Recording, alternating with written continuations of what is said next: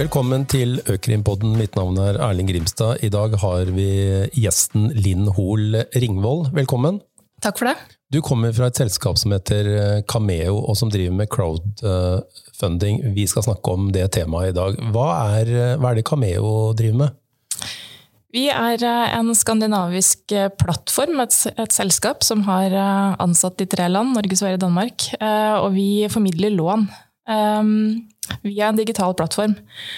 Uh, og det er jo det som kjennetegner crowdfunding-bransjen, egentlig. At man, uh, man, har en digital flate, ofte en hjemmeside, det kan være en app, uh, hvor alle småsparere og storsparere kan gå inn og være med og finansiere et prosjekt.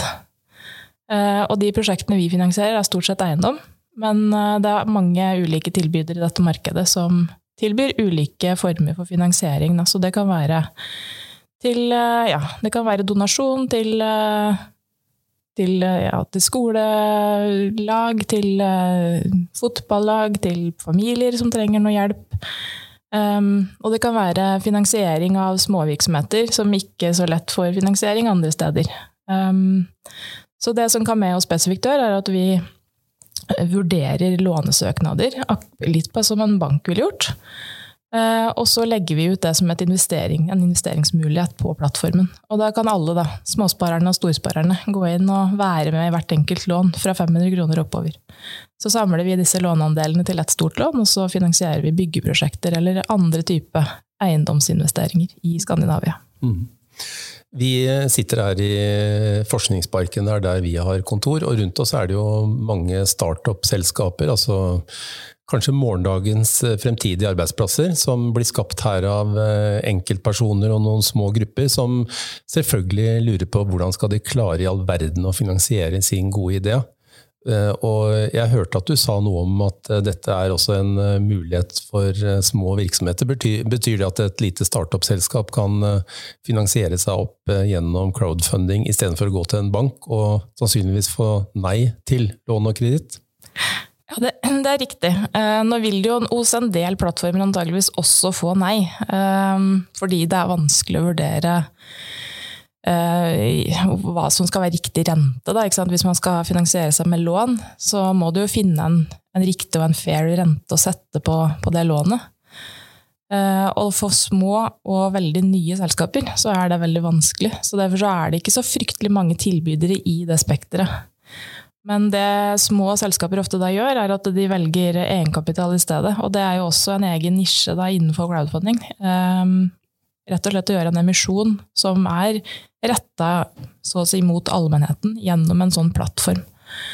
Eh, og da kan du få med deg nye investorer på laget, så du får kapital, men du får også en liten heiagjeng da, som står og heier på deg og bidrar, og kanskje er litt ambassadør for, for deg og ditt produkt. Da. Så det er en veldig fin måte for eh, små, nystarta bedrifter å kunne finansiere seg på. Mm. Så du kan rett og slett få en heiagjeng på denne måten, og så vet jeg at de får kanskje er de første som får det produktet som blir utviklet, og det er det de betaler for?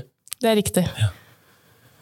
Og litt om uh, utviklingen av crowdfunding. Jeg tror For noen av våre lyttere så er crowdfunding et ganske ukjent uh, begrep, men vi har jo sett på statistikken. Altså, uh, alle pilene peker jo opp til himmels nærmest, nærmest, når det gjelder utviklingen av crowdfunding-plattformer. Gir det et riktig inntrykk? Er dere på vei opp og fram som bransje? Ja, jeg tror, altså det er jo ingenting som vokser inn i himmelen, selvfølgelig, så det gjør ikke denne bransjen heller. Men uh, jeg tror det først og fremst er et uttrykk for at det norske markedet er veldig ungt og umodent. Uh, og har, man har jo sett i andre markeder globalt også at uh, veksten i startfasen av når markedet på en måte begynner å etablere seg, er veldig bratt. da. Og i Norge så har det vært en dobling fra 2018. Så fra 2018 til 19, 19 til 20, 20 til 21 så har det vært doblinger. Så nå i dag så er markedet to milliarder. Det er jo ikke et kjempestort marked eh, sånn som det er i dag. Um, så vi tror at den doblingen og den veksten kommer til å fortsette en stund. Men uh, Cameo er jo et selskap som også driver i Sverige og Danmark. Og i Sverige så er det et mye mer modent marked. Uh, og der ligger også vekstraten mye lavere. Så veksten fra 2020 til 2021 uh, i Sverige var 20% innenfor det vi holder på med. Og det vil man nok også se etter hvert i Norge, at den vekstraten vil flate ut. da. Mm. Men vi tar gjerne et par år til med sånn dobling før vi kan komme dit. da. Det skjønner jeg veldig godt. Det er jo kjempeinteressant og spennende. Og sikkert utfordrende å bemanne opp og sørge for å håndtere kundene og, som kommer både som långivere og låntakere. Dere har også tillatelse til å drive som betalingsinstitutt. Fortell litt om det. Ja, altså crowdfunding handler jo om penger. Eh, og noen må jo håndtere disse pengene. Og det kan man jo gjøre på ulike måter, finne ulike modeller for det. Men Cameo har valgt å ha egen konsesjon som betalingsforetak. Eh, som betyr at vi har kontroll på pengene fra de kommer inn fra investorene. Og vi samler de da i en, sekk, i en pott, og så betaler ut til låntakeren. Og når du driver med lån, så, så er det noe som også skal tilbake fortrinnsvis. Sånn at det kommer tilbakebetalinger på disse lånene, og det kommer rentebetalinger. Og man må jo følge opp at det faktisk blir betalt, og noen ganger så blir det forsinkelsesrenter. Og en sjelden gang så hender det at vi også må engasjere namsmannen og få inndrive disse pengene. Så mm, til den betalingsbiten så har vi da betalingskonsesjon. Og det opplever jeg som en veldig stor fordel. Mm. Men det finnes jo andre løsninger, og en del plattformer, særlig sånn i startfasen, så er det mye billigere å sette seg opp med en tredjepart som løser den betalingsflyten. Eh, fordi at eh, med den betalingskonsesjonen så kommer det selvfølgelig et hav av rapporteringsplikter og andre compliance-tiltak som du må gjennomføre, og det er jo ikke gratis. Mm. Og dere er, er, driver jo da en rapporteringspliktig virksomhet etter hvitvaskingslovens eh, regler, så dere har de samme kravene på dere som banker og andre rapporteringsplikter, er ikke det riktig? Jo da, det er riktig. Og så er det jo noe proporsjonalitet og noe sånt eh, også bakt inn i hvitvaskingsloven, så det er klart at uh, ikke jeg vet ikke om det er helt sammenlignbart å si at vår 40 mann store skandinaviske virksomhet er sammenlignbar med DNB f.eks., men i prinsippet så er vi underlagt de samme forpliktelsene, og vi rapporterer på de samme tingene som de store bankene gjør. Mm. Vi skal litt inn på dette med tiltak dere gjør for å beskytte dere mot eh, hvitvasking, og også litt om trusselbildet som dere ser. Men før vi gjør det, så eh, tenkte jeg bare for å forstå dette helt konkret, eh, hva crowdfunding eh, går ut på. Hvis vi ser på de to sidene av aktørene. Du har én side kunder dere har som gir lån og bidrag til den andre delen av kundemassen, som er de som trenger kapital og som trenger donasjoner. Hvis vi starter med de som gir, gir bidrag, de som funder. Hvem er de typiske kundene dere som gjør det? Uh, tenkte du da på liksom donasjon som form, eller tenkte du på crowdfunding generelt? Uh, mer generelt på crowdfunding. Ja, altså Det som kanskje er liksom den Som sagt, altså er det mange ulike nisjer innenfor for crowdfunding. Og det er liksom fire hovedkategorier da, som man snakker om. Det er donasjon, som er å gi bort pengene sine. Altså Det som sikkert mange som hører på, har vært med på på Spleis, f.eks. Um, og så har du det som man kalles belønning. Uh, de fleste forbinder det med kickstarter. Det er på en måte en modell hvor du kjøper et produkt før det er lagd, og så har du forhåndsfinansiert det. Og veldig ofte så får du pengene tilbake hvis de ikke når finansieringsmålet sitt. Og så har du det vi holder på med i Cameo, som er lån. Uh, som ligner på obligasjonslån, men som ikke har verdipapirer. Um, og så har du aksjebasert, som det er jo vanlige rene emisjoner um, som gjennomføres da utenfor børs.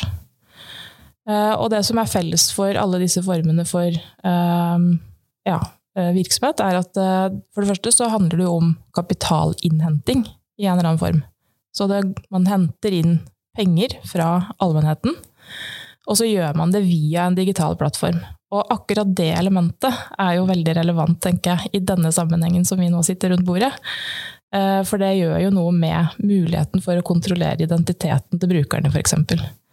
Eh, og i prinsippet så kan jo disse ulike plattformene ha brukere egentlig fra hvor som helst i verden, så lenge de leser norsk. fordi at det, de fleste norske plattformene har jo selvfølgelig norske nettsider. Og så kan man jo få oversatt det også. Så det er jo veldig mange bruker da BankID Eh, egentlig som et sikkerhetstiltak eh, for å sikre seg at de kjenner identiteten til kunden, men også for å avgrense egentlig kundemassen. At du får en naturlig avgrensning ved å kreve bruk av bank i det. Mm.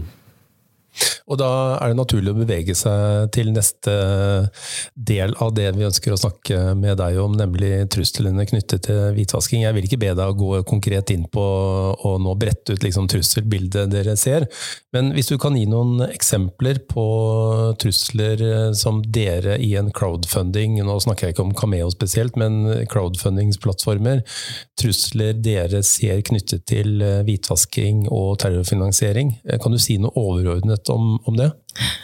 Ja, nå jo, nå har, det kommet utkast til noen nye retningslinjer for det som kalles remote onboarding. og Det tenker jeg er kanskje et superrelevant eh, dokument for alle som driver med crowdfunding eh, å lese gjennom. Eh, men der pekes det jo på en del av de risikoene som er knytta til at man liksom låser seg inn mot én veldig spesifikk identitetsindikator. At, at alle liksom bruker bank i Eh, og Samtidig så leser vi opp og ned i avisene om eh, misbruk av bank-ID, og hvordan, hvor lett det er å misbruke det. Og, og, nå har jo den debatten i veldig stor grad knytta seg til lånebedragerier og, og, og låneopptak, hvor type liksom, kona eller mannen har misbrukt sin ektefelles bank bank-ID og tatt opp lån. Men man kan jo tenke seg at bank-ID også kan misbrukes i forhold til en crowdfunding-plattform på ulike måter. Um, og vi har, bare hos oss så har jo vi sett Nå har vi 30 000 registrerte brukere i Skandinavia, så vi har en relativt stor uh, crowd, som vi kaller det. Uh, som, uh, og det er klart at du kan ikke Vi kjenner ikke Vi 40 som jobber i Cameo, kjenner ikke hver enkelt en av de 30 000. Eh, men vi vet at alle har en eller annen form for skandinavisk bank i det. Altså de har norsk eller svensk bank i det, eller nem i det, eller midt i det, som kommer i Danmark nå. Så de Vi har også sett eksempler på at uh, det har vært en form for misbruk da, av den ID-en, hvor vi har avdekket at her er det en sønn, en voksen sønn som har misbrukt mors bank-ID f.eks. og kjører doble kontoer og sånt, og så kan man jo spørre seg hvorfor de, hvorfor de gjør det. Det er sjelden en god grunn. Mm. Og så kan det jo sikkert være tilfeller hvor det er svarte penger som plasseres i en crowdfunding, altså på utlånssiden. Det kommer eh, folk som vil uh, ha plassert uh, svarte penger i en crowdfunding-plattform. Så som banker så kan vel dere også være utsatt for det, kanskje? Absolutt, og det tror jeg kanskje er en sånn risiko som um ja, kan, kan, være litt lett å glemme, i hvert fall for småaktører. Og det er på en måte en generell utfordring eh, i bransjen at det er, det er, mange unge, ivrige, flinke, fremadstormende mennesker som har lyst til å skape innovasjon og arbeidsplasser og vise bankene at dette kan vi fikse mye bedre enn dere gjør. Og så glemmer man litt at eh, det finnes en svart økonomi, og det finnes folk som ikke har eh, rent mel i posen. da. Eh, og kjempeviktig at vi får en debatt også i denne bransjen om hvilke risikoer konkret er det vi er utsatt for. Da. Og jeg tror at akkurat det som du er inne på der, som vi i Kamea kanskje behandler det litt som en form for layering. Da. At du, du får inn en betaling, eh, så bruker man crowdfunding-plattformen egentlig som et eh, lag imellom. Hvor typisk at du får en innbetaling fra en konto som ikke tilhører kunden. Så sånne type ting kan man jo kontrollere, og det har vi avdekket en del tilfeller av. Da. Så vi har veldig i Norge så er dette ganske enkelt, for du kan kontrollere opp mot kar. Mens i Sverige og Danmark så er det dessverre ikke så enkelt. Mm. Hvis vi snakker et øyeblikk om tredjepartsløsninger, eh, som dere gjør bruk av i, eh, i, Cameo, i hvert fall, som du sikkert kjenner best, eh, kan du si litt om eh, tredjepartsløsninger og utfordringer knyttet til det? Ja, altså Ulike former for tredjepartsløsninger er jo veldig populært selvfølgelig blant uh, små uh, tech-virksomheter. fordi at uh, Ved å koble på et, en annen da, gjennom et API som kan gjøre hele kundekontrollen og på en måte sikre at du er compliant med hvitvaskingsloven, så er jo det veldig enkelt og behagelig, selvfølgelig. Um, Hva er API, forresten? Ja, det er jo egentlig bare den stikkontakten hvor du kobler på en uh, tredjepart som passer med ditt system. Snakke, hvor du har to systemer som kan snakke sammen. Um, og det finnes jo masse uh, av disse tredjepartene som, uh, som, kan hjelpe til med ID-kontroll, f.eks. Eller andre former, og så mye større, liksom, mer omfattende onboarding enn bare ID-kontrollen. Mm, ok, YC-kontroll osv. Yes. Ja. Um, men det, og det er alltid fra VIPS til, uh, ja, til store aktører som kjører kompliserte algoritmer i, i onboarding-prosessen. Så det, det, der finnes det alt mulig rart, og det er kjempebra. Men jeg tror man skal være litt forsiktig også med å stole for mye på at alt blir bra, hvis man bare bruker en profesjonell tredjepart som jobber med dette her. Eh, for det som vi ser, og det er litt av grunnen til at vi ønsker å sitte på eh, egen betalingskonsesjon og ta den belastningen også, det er at for kundene våre så er jo det vårt produkt, det er jo da penger. Det er jo For låntakerne så er det finansiering av et prosjekt som de har lyst til å realisere. Og for eh, investorene våre så er det avkastning. Du får 8-9 avkastning på våre lån. Eh, ganske attraktivt eh, sammenlignet med en bankkonto. Så det handler jo om penger. Og litt rart å skulle ha på en måte en virksomhet som i og for seg bare handler om penger, og så skal du ikke vite hvor de pengene flytter seg. Og hvis ikke vi har egen konsesjon og håndterer de betalingene selv, så, så, kan vi egentlig ikke helt vite det. Vi kan høre hva tredjeparten sier, men tredjeparten sitter jo ikke på samme informasjon som oss. Eh, så når vi tar imot telefoner fra Helpdesk, så kan vi gå inn og se betalingsstrømmene. Vi kan se transaksjonene. Og det kan forklare mye og gi oss en mye bedre innsikt i både kundens konkrete behov, eh, men gi også oss da en mye bedre risikoforståelse. Uh, og så er det én ting er på en måte det som vi snakka om, med at du kan få hvitvaskingsproblematikk uh, på investorsiden.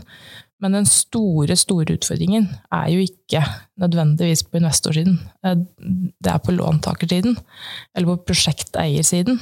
altså de som skal reise kapital. Mm.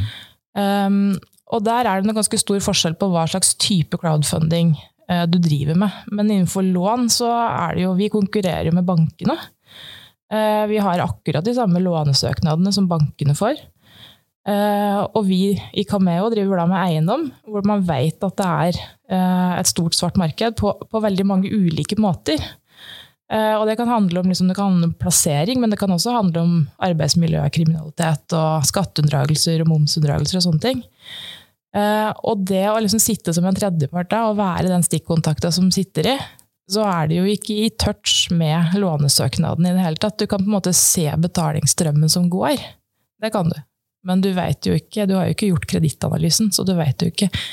Så på en, på, vanlig, på en, lånesøknad som vi får i Cameo, så bruker vi ca. 40 timer på hver søknad som kommer opp i kredittkomiteen. Eh, og de 40 timene de bruker vi på å forstå hvordan jobber denne kunden, hvem er denne kunden, hva slags erfaring har de, hvordan ser prosjektkalkylen ut? Har de satt av penger til moms? Hvor mange ansatte er det? Er det nok ansatte? Hvor mye har de i lønn, egentlig?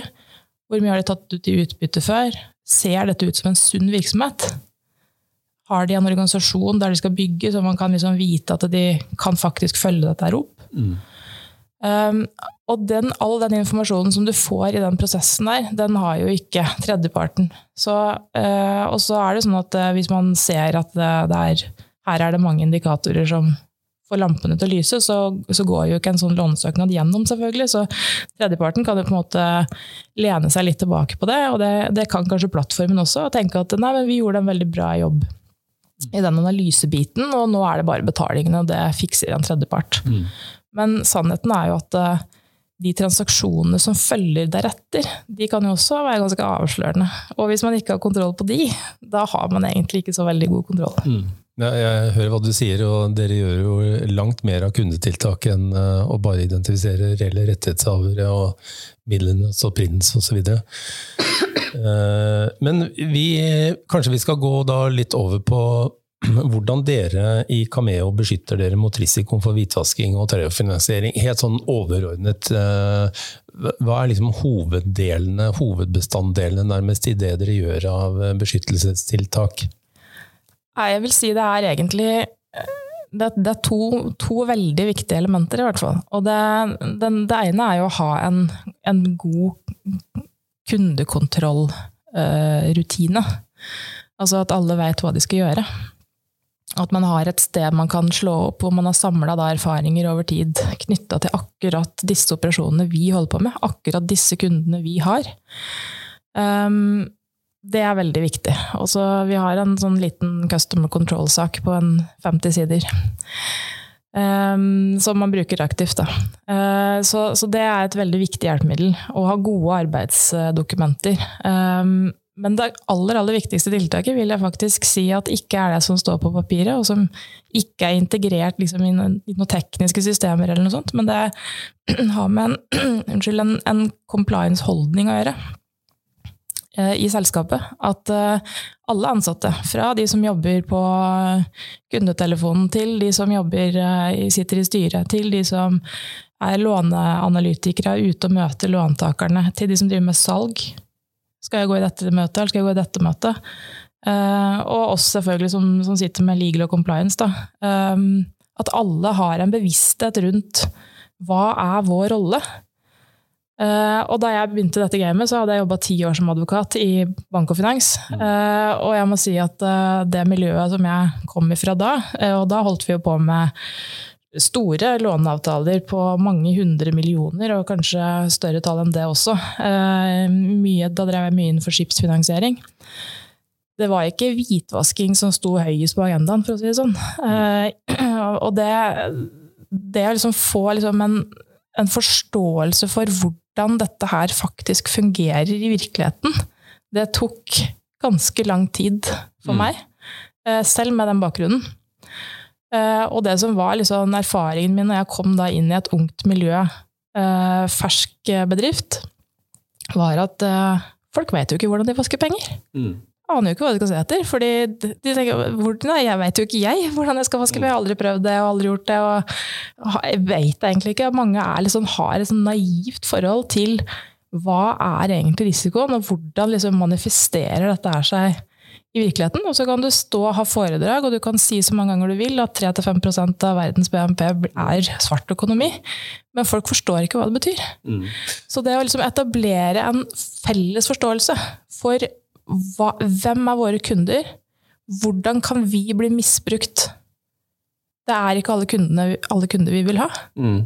Eh, og det å etablere den forståelsen, det tror jeg det er et kjempeviktig verktøy da, i, den, i, denne jobben. Mm. Og det handler selvfølgelig mye om uh, opplæring av uh, alle som har forskjellige funksjoner i virksomheten, vil jeg tro. Men det, det, å bygge den kulturen som du for så vidt snakker om, det handler vel om mye mer enn en bare opplæring?